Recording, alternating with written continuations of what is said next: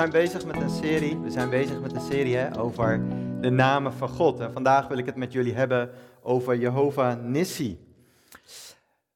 Twee jaar geleden, anderhalf jaar geleden, toen wij als kerk gingen verhuizen naar de Mauritskazerne, sprak God uh, verschillende woorden tegen ons als leiderschap. Hij zei onder andere van ik ga jullie klaarmaken voor strijdlust, voor een stukje vechtersmentaliteit, om gebied in te nemen, om sterk te worden, om uh, te overwinnen. Dat waren woorden die God tot ons sprak. En toen kwam helaas corona.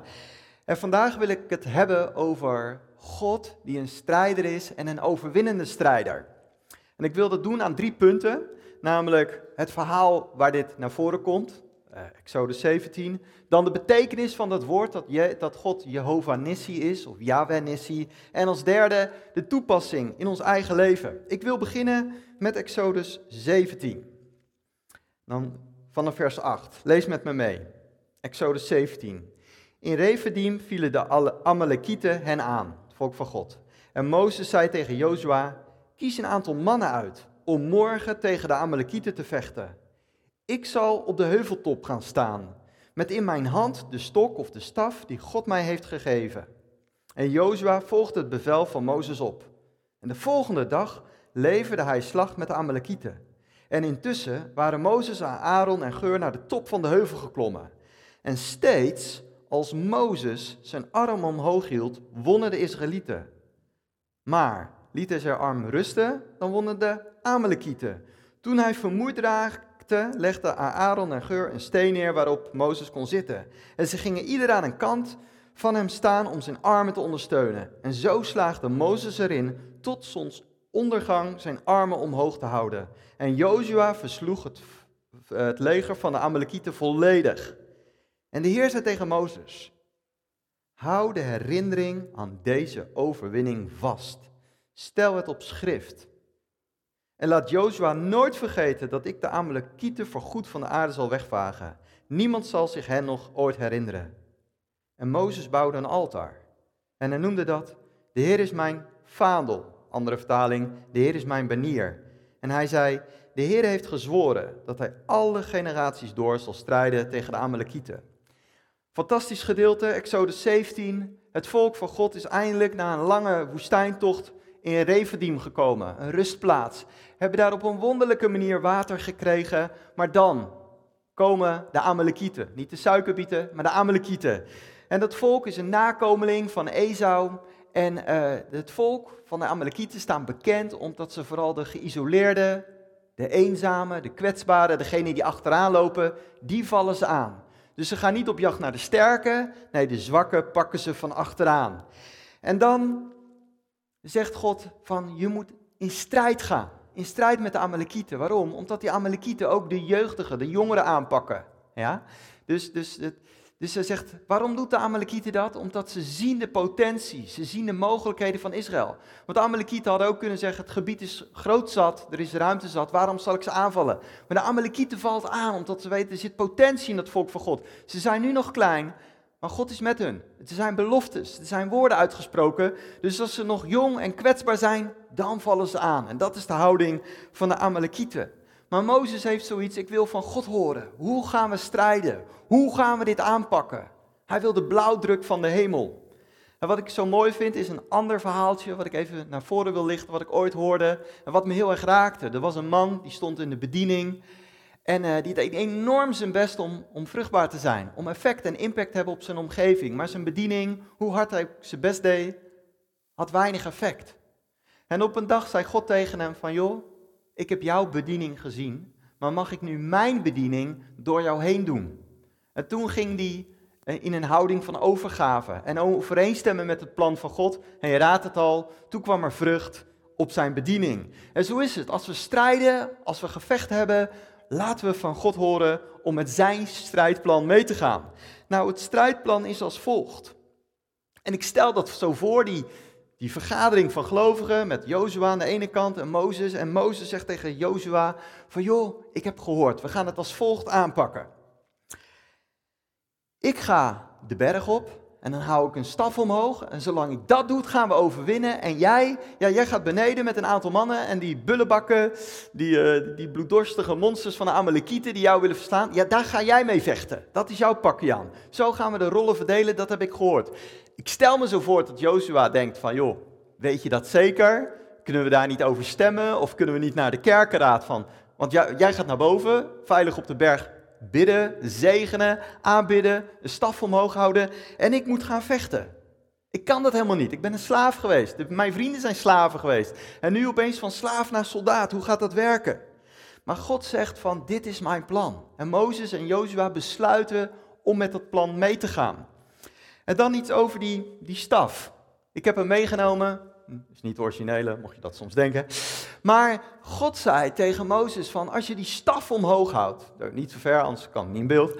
Als je die staf omhoog houdt, dan zal het volk overwinnen. En misschien dat Jozua wel gedacht heeft van, ja, maar als dat het belangrijkste is, als het gaat om gebed en aanbidding, als dat doorslaggevend is, wat doe ik nog? Maar toch is het belangrijk dat Jozua met zijn mannen op aarde in actie is. Dus je hebt Jozua, actie op aarde en eigenlijk boven bidden Mozes.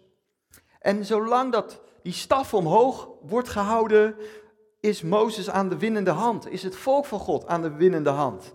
Maar als hij het laat zakken, en ik zou dat, ik, als ik Mozes was, zou ik dat even uittesten. Van hé, hey, dan sta ik op die heuvel en dan kijk ik zo, ja, ja. Oh, als ik naar beneden, dan, ja, oh, weer omhoog. Maar je ziet op een gegeven moment dat de armen van Mozes verzuren. Hij heeft het lastig, heeft het moeilijk. Het is ongeveer 10 of 14 uur dat hij die staf omhoog stelt. Nou, die staf in zichzelf was niet magisch of zo. Tuurlijk, die staf bijzondere dingen uh, met de rots en het splijten van de zee. Maar God had het een, gemaakt tot een instrument. Het was tijdelijke moment waar God doorwerkte. En, net als David met zijn slinger en in het Nieuwe Testament, dat jongetje met brood en vissen. Eigenlijk kleine instrumenten die God zegende, plakte zijn kracht eraan vast en er werd iets gigantisch. En met die staf omhoog won het volk van God. Maar de verzuring van Mozes, de verzuring van Mozes. Je kunt het je voorstellen als je wel eens fitness, op een gegeven moment een aantal keer, je verzuurt. En dan komen zijn vrienden, die zeggen van, hé hey Mozes, zal ik je helpen? En draait Mozes zich om en zegt, nee natuurlijk niet. Ik heb 40 jaar woestijnbijbelschool gehad, dit is mijn ding, God heeft me voorbereid, weg. Dit is mijn feestje. Nee, Mozes laat zich aanvullen. Mozes zegt, ja, ik heb jullie nodig, ik kan het niet alleen. Help me maar, eentje links, eentje rechts, om zijn armen omhoog te houden. Het beeld van aanbidding, het beeld van gebed, zegenend, wat doorslaggevend is. En ik vind het zo mooi, die taakverdeling, Mozes en Jozua. En soms is dat zo, dat God voor de ene roept God voor A en uh, God roept de ander voor B. En samen want wat leren we? Samen kunnen we overwinnen. We hebben elkaar nodig. We mogen elkaar laten aanvullen. Soms is het zo dat God tegen jou misschien zegt in jouw situatie: Ik wil dat je bidt en werkt, dat het hand in hand gaan. Maar soms zijn het verschillende rollen. En je ziet dat het volk van God overwint door gehoorzaamheid, door te geloven wat God zegt. Je verstand kan je tot een bepaald moment brengen. God heeft niks tegen ons verstand. Verstand kan je tot een bepaald punt brengen, maar geloof gaat die extra mel. Geloof maakt die extra stap. En ze vertrouwen, ondanks onlogische redenaties, vertrouwen ze God en er is doorbraak. Er is doorbraak in hun leven. En zo verslaat Israël zijn vijanden. God is de overwinnaar. God toont en openbaart, manifesteert zichzelf als een overwinnende God. En dan zegt God tegen Mozes en Jozua: Jongens, hou deze overwinning vast. Sta stil bij de speciale momenten. Vier je successen. Omhels je overwinningen. Schrijf op wat we samen hebben gedaan. Hoe ik heb overwonnen in partnerschap, in relatie met, met jullie. En waarom? Omdat we soms overwinningen snel vergeten. Of onze redenatie, bij mij vaak zo. Misschien is het geluk, misschien toeval. En als ik niet had gebeden, was het misschien ook wel geluk. Maar God zegt: schrijf je overwinning op. Wees dankbaar. Wees dankbaar voor je doorbraken. En weet je waarom? Het is goed om stil te staan bij de, de, de zegeningen van God en hem aan hem toe te schrijven. Waarom? Omdat het ook een springplank is voor later. De ene overwinning leidt vaak tot een andere overwinning. Een voorbeeldje, waar gebeurt verhaal?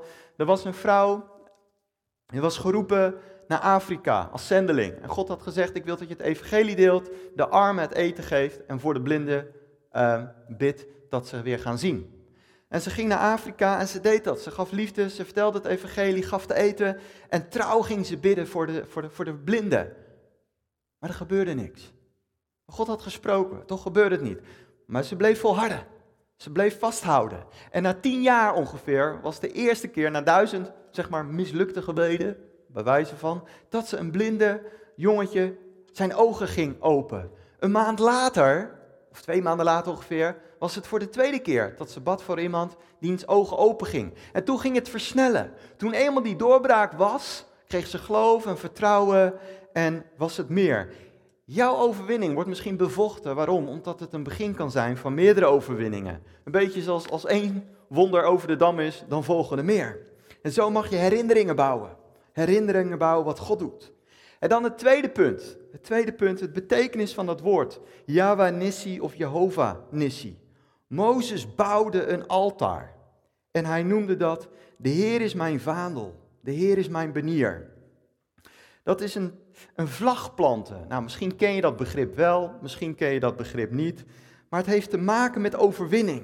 Als je een vlag plant, heeft dat te maken met overwinning. Denk maar bijvoorbeeld aan 5 mei, bevrijdingsdag. Hangen we de vlag op, waarom? Overwinning, doorbraak. Of als je eindelijk je schooldiploma hebt gehaald, de vlag met de tas erop, waarom? Het is een beeld van overwinning. Of toen uh, de eerste man op de, op de maan was, Armstrong, hij had de vlag, plantte die op de maan, natuurlijk Amerika. Kijk eens, ons succes, wat we hebben bereikt. Of je ziet dat ook wel eens met schaatsen, als uh, schaatstoernooi is geweest, aan het einde wordt, worden de vlaggen opge, opgehangen. En dan kijken ze daarna, Wilhelmus, en meestal de Nederlandse driekleur bovenaan bij het schaatsen. Waarom? Het is een beeld van succes, het is een beeld van overwinning. En misschien ken je het wel voor de, voor de kids met Stratego, als je dat nog wel speelt, zo'n oud bordspel. Als je de vlag pakt, ja, dan heb je gewonnen. Je hebt de bommen en luitenanten en generaals, maar als je de vlag pakt, dan heb je gewonnen. En God zegt eigenlijk, ik ben die vlag. Ik ben die overwinning. Ik ben het bewijs, teken, de persoon van overwinning. Hij is de rechthebber, de eigenaar, de verantwoordelijke voor overwinning. Hij heeft niet alleen die vlag gepakt, wat we straks vieren met Pasen, toen Jezus de overwinning behaalde over de duisternis. Hij is die vlag, hij is die teken van overwinning. En ik, um, er zijn heel veel mooie symbolische verhalen van. En een verhaal wat mij heel erg inspireert komt uit de Tweede Wereldoorlog. En we hebben een filmpje, het gaat over de, en daar gaan we zo naar kijken. En dat gaat over de oorlog in de Pacific tussen Amerika en Japan. We kunnen dat filmpje starten.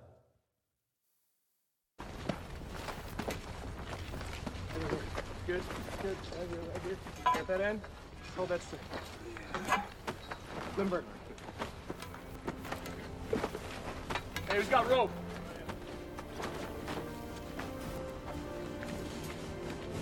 Give me something. Yeah, good.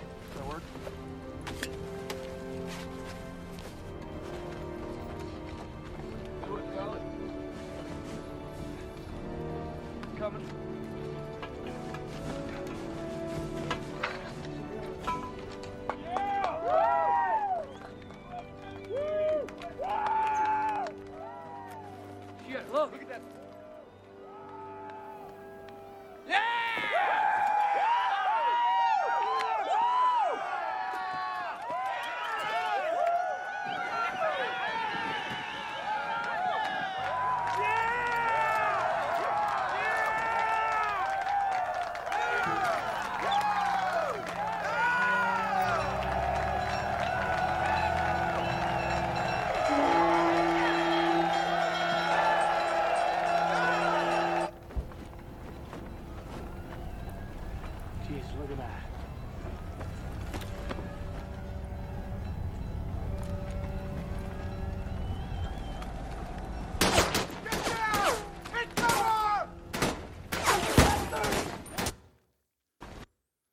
Ja, een filmpje over de Tweede Wereldoorlog. Wat was het? Het was een eiland, een vulkaaneiland. En dat was van strategisch superbelang, want er waren al twee vliegvelden. De derde was bijna klaar, die waren Japanners aan het aanleggen. En als je dat eiland in bezit had, kon je bevoorraden, konden de boten en de en, eh, schepen en vliegtuigen konden daar komen. En dat was een uitvalbasis, zodat je uiteindelijk het vasteland van Japan kon aanpakken. Wie dat eiland in bezit had, was kwestie van tijd, zou de oorlog winnen. Als Amerika daar zijn, zijn, zijn basis kon maken. En daar is verschrikkelijk veel voor uh, uh, gevochten om dat kleine eilandje. Waarom? Omdat het strategisch was. Omdat ze wisten, als we dat hebben, is, er, is, is het vasteland een kwestie van tijd. 7000 doden, 20.000 gewonden. Hadden ze een groot offer voor over. Een groot offer, de Amerikanen. Waarom? Omdat ze wisten, strategisch, dat in bezit, is het een kwestie van tijd om de rest te doen. En je ziet, als ze die vlag planten, is een bewijs van overwinning, een teken van overwinning. Was het daarna makkelijk? Nee. Er zijn nog soldaten, zoals je ziet, gewond geraakt. Er zijn nog soldaten gesneuveld. Maar het werd een kwestie van tijd om te overwinnen. En zo heeft Jezus voor ons overwonnen. En we zingen het vaak, fantastisch schitterend lied. Maar geloven we het ook? Vertrouwen we erop? Gaan we erop staan en rekenen we erop? Ja, Colossense 2 vers 15. Daar zegt de Bijbel het zo mooi en zo duidelijk. Jezus, hij heeft de overheden en machten ontwapend en openlijk tentoongesteld en zo over hun gezegevierd. Jezus is de overwinnaar. Hij is de, de meester. Hij heeft de rest overheerst, overmeesterd. Hij is de koning der koningen. Hij heeft de sleutels. Hij zegt zelf, ik heb alle macht in de hemel en op de aarde. Dat betekent dat de duivel geen macht heeft. En hij zegt, jullie zijn meer dan overwinnaars. Door mijn liefde zijn jullie meer dan overwinnaars. Hij zegt, hij die in je is, de Heilige Geest, is meer, is sterker, is krachtiger dan degene die in de wereld is. Jezus is overwinnaar. En natuurlijk zijn er twee raakvlakken, want we weten, we hebben ook nog soms ellende, we hebben gebrokenheid en lijden. Maar vandaag wil ik het hebben over Jehovah Nissi. Hij is de bron, hij is de kern van onze overwinning. En dan zeg je misschien, Korst, die preek is helemaal uit balans. Ja, dat klopt. Ik hoop dat hij uit balans is. De vorige paar keren hebben we het gehad over God als herder. We hebben het gehad met dankbaarheid over hoe, soms het leven pittig is. En dat het lastig is en moeilijk. Maar laten we niet vergeten, als je de Bijbel leest, dan zijn er zoveel beloftes. Dat God overwinning en verandering en groei en open deuren belooft. Zoveel. Waar Jezus kwam, hij ging goeddoende. Hij ging goeddoende rond. En ieder die overweldigd of gepest of geplaagd door de duivel waren, deed hij een wonder voor. Zegende die, gaf hij een bemoediging, gaf hij troost. Ja, dat is Jezus. Jezus zegt, ik ben gekomen om leven te geven, om overvloed, om doorbraak te, te, te geven. Dat is onze Jezus. En wij zijn deelgenoot. We horen bij Hem. We horen bij de overwinnaar. En ik wil je aanmoedigen, echt aanmoedigen, om dat toe te passen in je eigen leven. Nog een tekst dan gaan we naar het derde punt. Hoe zit het in jouw leven? Hoe zit het in mijn leven? 2 Korinthe 2 vers 14. God zij gedankt dat Hij ons, die één zijn met Christus, in Zijn triomftocht meevoert. En dat Hij overal door ons de kennis over Hem verspreidt als een aangename geur. God wil overwinning. En soms heb je iemand nodig die je helpt om te overwinnen. Een voorbeeld te geven uit mijn, eh, uit mijn, uit mijn werk, van een tijdje terug alweer. Er die examen, er was een uh, cliënt die ik samen met een collega begeleidde. Hij heeft meer gedaan dan ik, moet ik eerlijk zeggen. Maar er was een jongen van een jaar of 25. Had forse schulden, grote schuldenproblematiek. Ongelooflijk hoe je op jeugdige leeftijd snel schulden kan opbouwen. En die jongen werd uiteindelijk depressief en kreeg paniekaanvallen. Begon uh, verslaafd te raken aan softdrugs en kwam gelukkig in de hulpverlening. En dat is al de eerste overwinning, dat je je laat helpen. Dat je eerlijk zegt, ik heb een probleem. En die jongen die zei, ja, ik, heb, ik ben depressief, ik ben neerslachtig, ik zie het niet meer zitten, drugs, dit en dat. Kern van het probleem, want dat waren vruchten. Kern, de wortel was dat hij zijn financiën niet op orde had. En de hulpverlening ging naast hem staan en ging hoop uitspreken van, joh, we krijgen dit op orde. Dit komt goed. En nou, wat ga je dan doen? Hè? Je gaat regelingen treffen met schuldeisers. Je gaat kijken hoe je meer inkomsten kan krijgen. Hij ging wat weekenden werken, zodat hij extra inkomsten kreeg en extra feestdagen. We gingen kijken naar zijn uitgavenpatroon, vaste lasten, hoe het veranderd kon worden. En langzaam kwam hij uit de schulden. Langzaam kreeg hij grip en controle. En toen ongeveer na anderhalf jaar of zo vroeg mijn collega van, wat is nou je droom, je financiële droom? En hij zei, jongen jongen, ik zou het fantastisch vinden om mijn vader en mijn moeder een keertje te kunnen trakteren, om hen mee te nemen, toen de restaurants nog open waren, naar een restaurant. En mijn broertje en zusje, ik heb ze de laatste jaren eigenlijk geen fatsoenlijk cadeau voor op hun verjaardag gegeven. Het is mijn droom dat ik ze iets kan geven op een verjaardag. En uiteindelijk mochten we de jongen helpen met succes, dat zijn droom uitkwam. God wil jou helpen, wil andere mensen gebruiken voor overwinning. Ik weet niet wat jouw situatie is. Misschien heb jij ook zoiets dat je zegt van, voor mijn gevoel sta ik in die situatie met 2-0 achter. Misschien met je huwelijk. Dat je denkt, dat, ja, we staan echt onder druk. Misschien financieel of je werkcarrière. Dat je zegt, ik heb het gevoel dat ik 1 of 2-0 achter staat. Misschien je leven met God. Ja, anderen beleven het. Die hebben allemaal fantastische dingen, maar ik, ik kan niet heilig leven, niet rein puur. Het lukt me niet. Misschien met je kind, je oude kindrelatie. Dat je zegt, ik vind het zo moeilijk, zo lastig. Voor mijn gevoel is daar geen overwinning. Sta ik 1-0 of 2-0 achter. Misschien met, met je huis, dat je heel graag wil verhuizen. Dat je denkt van, joh, onze omstandigheden, zo ingewikkeld. We hebben het gevoel dat we 2-0 achter staan. Of misschien je roeping. Dat je denkt, ik ben op een leeftijd gekomen dat ik denk, Heer, mijn roeping, datgene wat u mij voor bedoeld heeft, komt er nog wat van? Het lukt me niet. Ik zie geen overwinning, ik zie geen doorbraak. Ik wil je vandaag bemoedigen en uitdaging geloof. God is de God van overwinning. God is de God van doorbraak. Maar jouw houding is daarin wel heel belangrijk. Jouw houding, jouw geloofshouding is daarin echt essentieel. Dus niet je wilskracht, maar je geloofshouding, de houding van je hart. Ik wil dat um, nog een voorbeeld geven daarin. Heel lang geleden, toen ik nog jong was, speelde ik in een, uh, in een lokaal jeugdteam. En uh, waren drie hele goede spitsen. Eentje is uiteindelijk naar Feyenoord gegaan, de andere naar ADO, de andere naar Sparta. En ik zat natuurlijk, lijkt minder slecht, op de reservebank. Heel af en toe mocht ik als reservespits meedoen. Die andere drie hebben het nooit gehaald. Eentje heeft 50 wedstrijden voor ADO gespeeld en dat was het. Maar dat. Heel af en toe was ik dus, uh, mocht ik meedoen als reservespits. Mocht ik warm lopen en dan mocht ik het laatste half uur even inkomen. En soms gebeurde het, als ik mocht komen, dat het team meestal achter stond. Nulletje of twee, drie. En had ik nog een half uurtje. Mijn houding van hoe ik erin kwam om mee te doen, om deelgenoot te zijn aan de partij, om medearbeider te zijn aan die wedstrijd, was heel belangrijk. Ik ga even wat ongezonde houdingen benoemen. Je kan denken, als je naar een situatie kijkt, dat je denkt het is lastig, dat je vanuit een hoogmoedige houding denkt. Van joh, als ik er eenmaal in kom, als ik ga bidden, als ik mijn best ga doen, ja, dan komt het allemaal goed. Ja, laat mij maar. Als ik uiteindelijk in leiderschap sta, of als ik het mag regelen, dan komt het allemaal goed.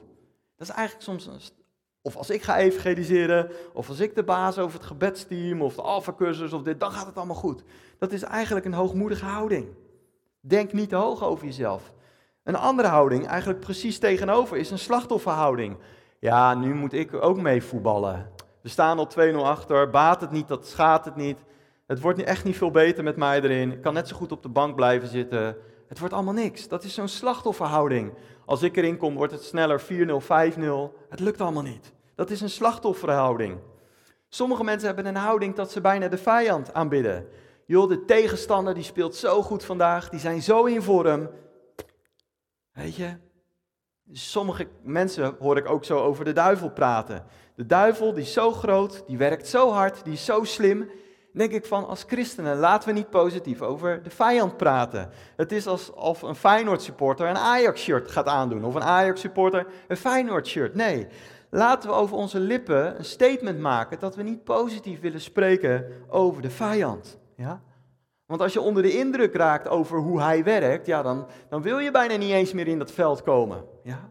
Een andere is dat je een oververantwoordelijke houding hebt. Dat je denkt van, oeh, nu moet ik meedoen. Gaat de verdediger eruit? Moet ik het doen? Als ik het niet doe, dan, dan, dan, gebeurt het helemaal niet. Dan lukt het niet. Alsof alles van jou afhangt.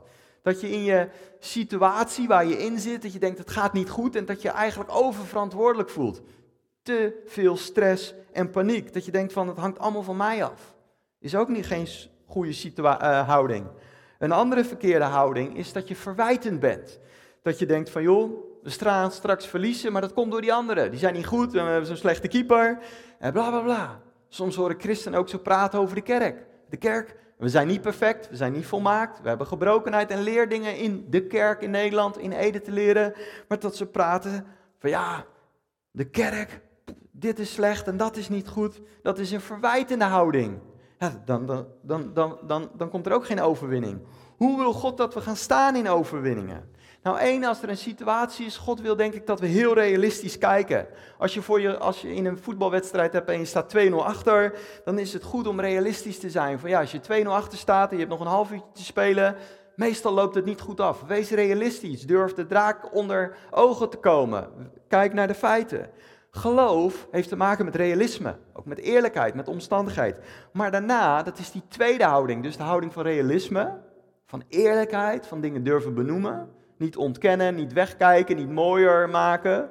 Nee, bewust zijn van dit is de situatie, het is lastig, het is moeilijk, het is pittig, ingewikkeld. Maar daarna kijken door de bril van hoop. Kijken door de bril van geloof. Bij een voetbalwedstrijd, als je 2-0 achter stond, kan je ook bedenken van, joh, ik ga nu meedoen aan die voetbalwedstrijd. En er zijn vaker teams van een 2-0 achterstand teruggekomen.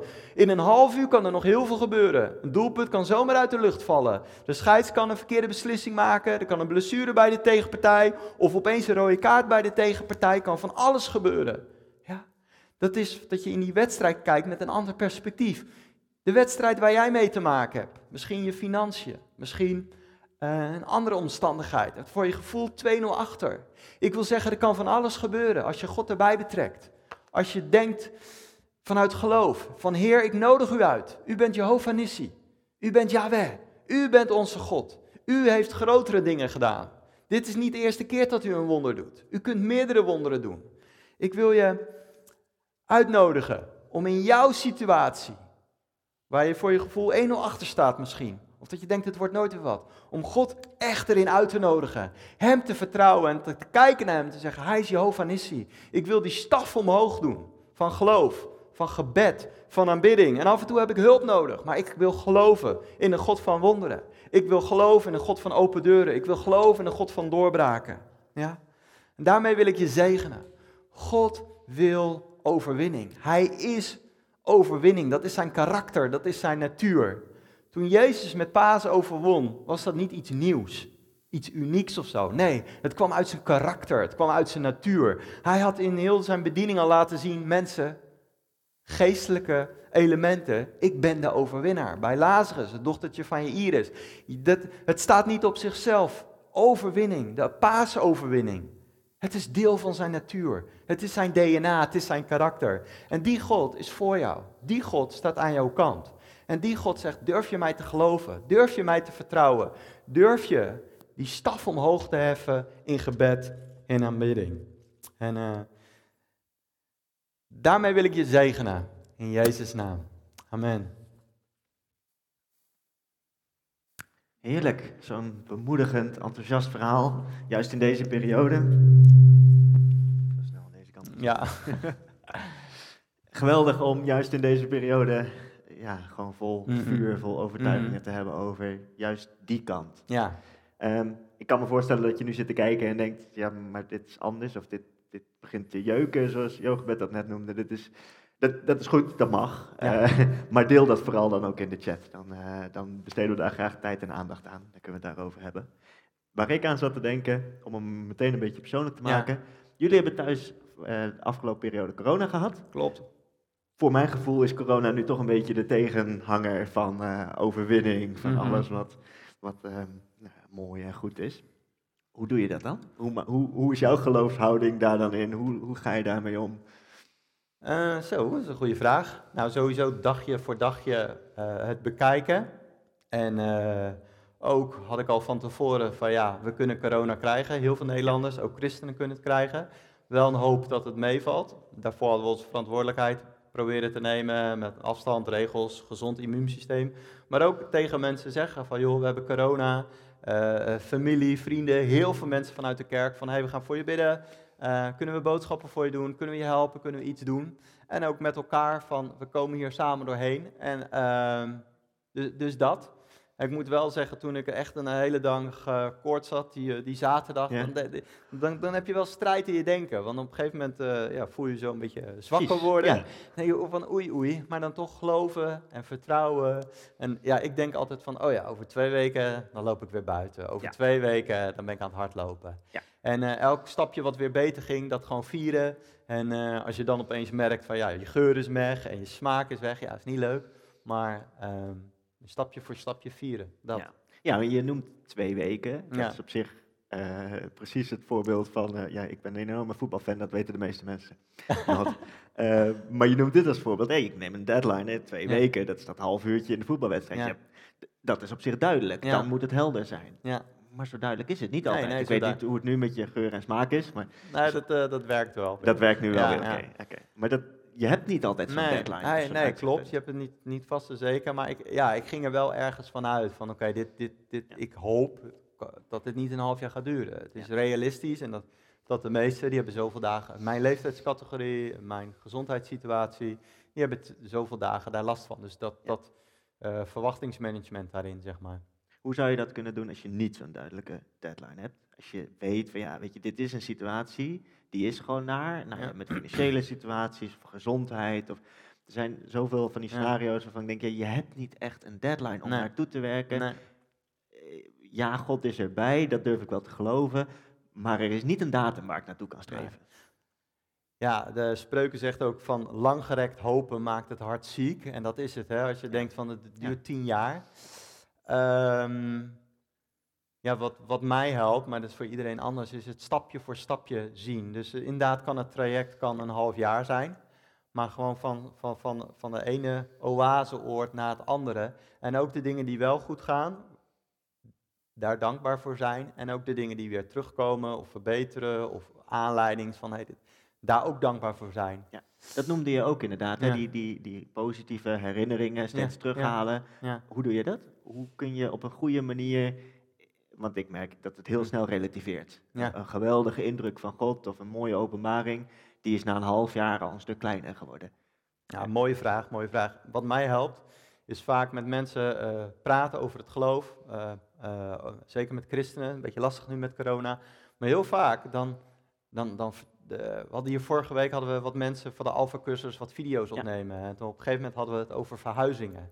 En de een na de ander, die opeens allemaal te vertellen van ja, bij, God deed bij mij dit en bij mij dat. En ik ken nog iemand, God zo, God zo. Dus door te, door, door te getuigen, door te vertellen, door te delen, word je weer wakker. En toen fietste ik naar huis van ja, jongen, jongen, dat was eigenlijk best wel een beetje weggezaagd. Ja. En, ja. en het is toch wel weer gaaf om dat zo te benoemen. Ja. Dus deelgenoot te zijn met elkaar daarvan. Dus ook echt dat enthousiasme met elkaar te delen en niet voor je te houden, maar er ook echt trots op te zijn. ja, zoals jij mij weer aanvuurt en ik weer terug jou kan aanvuren. Ja.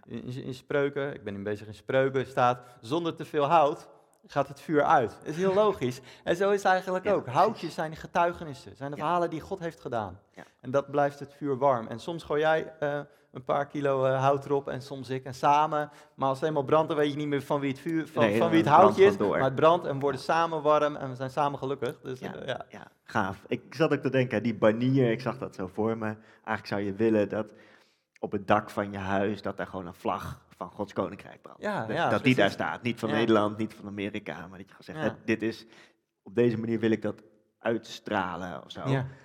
Ehm, maar dat vind ik nog wel lastig, Mhm. om dat te laten zien, om, om dat echt uit te stralen. Dat enthousiasme wat ik jou nu eigenlijk hoor vertellen, Mhm. waarvan ik ook dacht, ja, ja, ik wil dat graag proclameren, ja, ik wil dat Mhm. graag uitstralen. Hoe dan? Ja, daar wil ik wel wat over zeggen. Ik dacht vroeger, twintig jaar geleden of zo, van passie voor God, dat is degene die het hardste klapt, het hoogst springt, het Ja. meeste juicht. Ja. En klopt deels. Maar het gaat erom, passie voor God wordt zichtbaar in de kleine keuzes die niemand ziet. De kleine stapjes. En misschien is degene die het stilste is, wel de meest gepassioneerd, omdat hij trouw is in het kleine. Ja. Dus dat, dat is een hele belangrijke. Plus, ehm, soms hebben we niet door wat we uitstralen. Toen ik corona had, was wel lachen. Ik had zo'n eh, zo'n geurtje, maar ik had niet door dat mijn geur weg was. dus en meestal dan doe ik zo'n spuitje en dan ruik ik en denk, oh ja, dat is wel goed. Ik spoot het halve flesje leeg en denk, Je ruikt niks. ja, en, die, en mijn kinderen die roken het, zelfs van anderhalve meter afstand, van, van, van zo, weet je. En zo is het ook denk ik heel vaak met God. Van, van hier met elkaar, we ruiken naar die, naar die, naar die geur van Christus hè, uit die tekst. Je, je ruikt het. En soms moeten anderen zeggen, hé, hey, lekker luchtje heb je op. Dat je denkt, oh ja, verrek, wacht even. was ik alweer vergeten. En ik geloof dat we als gemeente bedoeld zijn om geur te zijn in Ede. Een, een liefelijke geur. Individueel, vanuit de connectgroepen, in relaties, een geur dat mensen zeggen van... hé, hey, jij ruikt anders. Jij reageert op deze situatie anders. Jij bent die geur. En elke keer dicht bij Jezus waar je mee omgaat, word je mee besmet. En Jezus is de gezalfde. Hooglied zegt, Jezus ruikt het het allerlekkerst van iedereen. Als je, dat je dicht bij hem bent, dan ga je naar hem ruiken. Nou, dat is wat ik geloof. Ja, ja, het is hetzelfde als met de lachworkshop die ik een tijdje geleden voor mijn werk heb gedaan. Het werkt heel aanstekelijk. Ja. En als jij hier nu enthousiast bent, dan word ik daar enthousiast van. En zo, volgens mij mogen we elkaar aansteken op een goede manier. Ja, en daar, daar, dan, de, de, de, de gemeenschap der heiligen is zoiets essentieels. En dat is ook Ja. Van de Amalekieten. Die vielen de, de eenzamen, de geïsoleerden, de, degenen die helemaal achteraan liepen en geen verbinding hadden, die vielen ze aan. Maar ze waren eigenlijk bang en geïntimideerd voor, die, voor dat volk van God wat samenliep. Wat samen met Mozes en, ja, en, en Jozua en de leiderschap in eenheid waren en met elkaar. Toen dachten de Amalekieten, oeh, dat wordt lastig. Ja. Geweldig dat beeld van die staf omhoog houden, Ja. waarin je met de geestelijke strijd bezig bent. Je doet Ja. dat met elkaar, je doet dat samen. En als je hem dan weer omhoog hebt, dat je ziet dat er, dat er werking is, Ja, dat het, ja, dat het effect heeft. Ja. Ja. Dankjewel.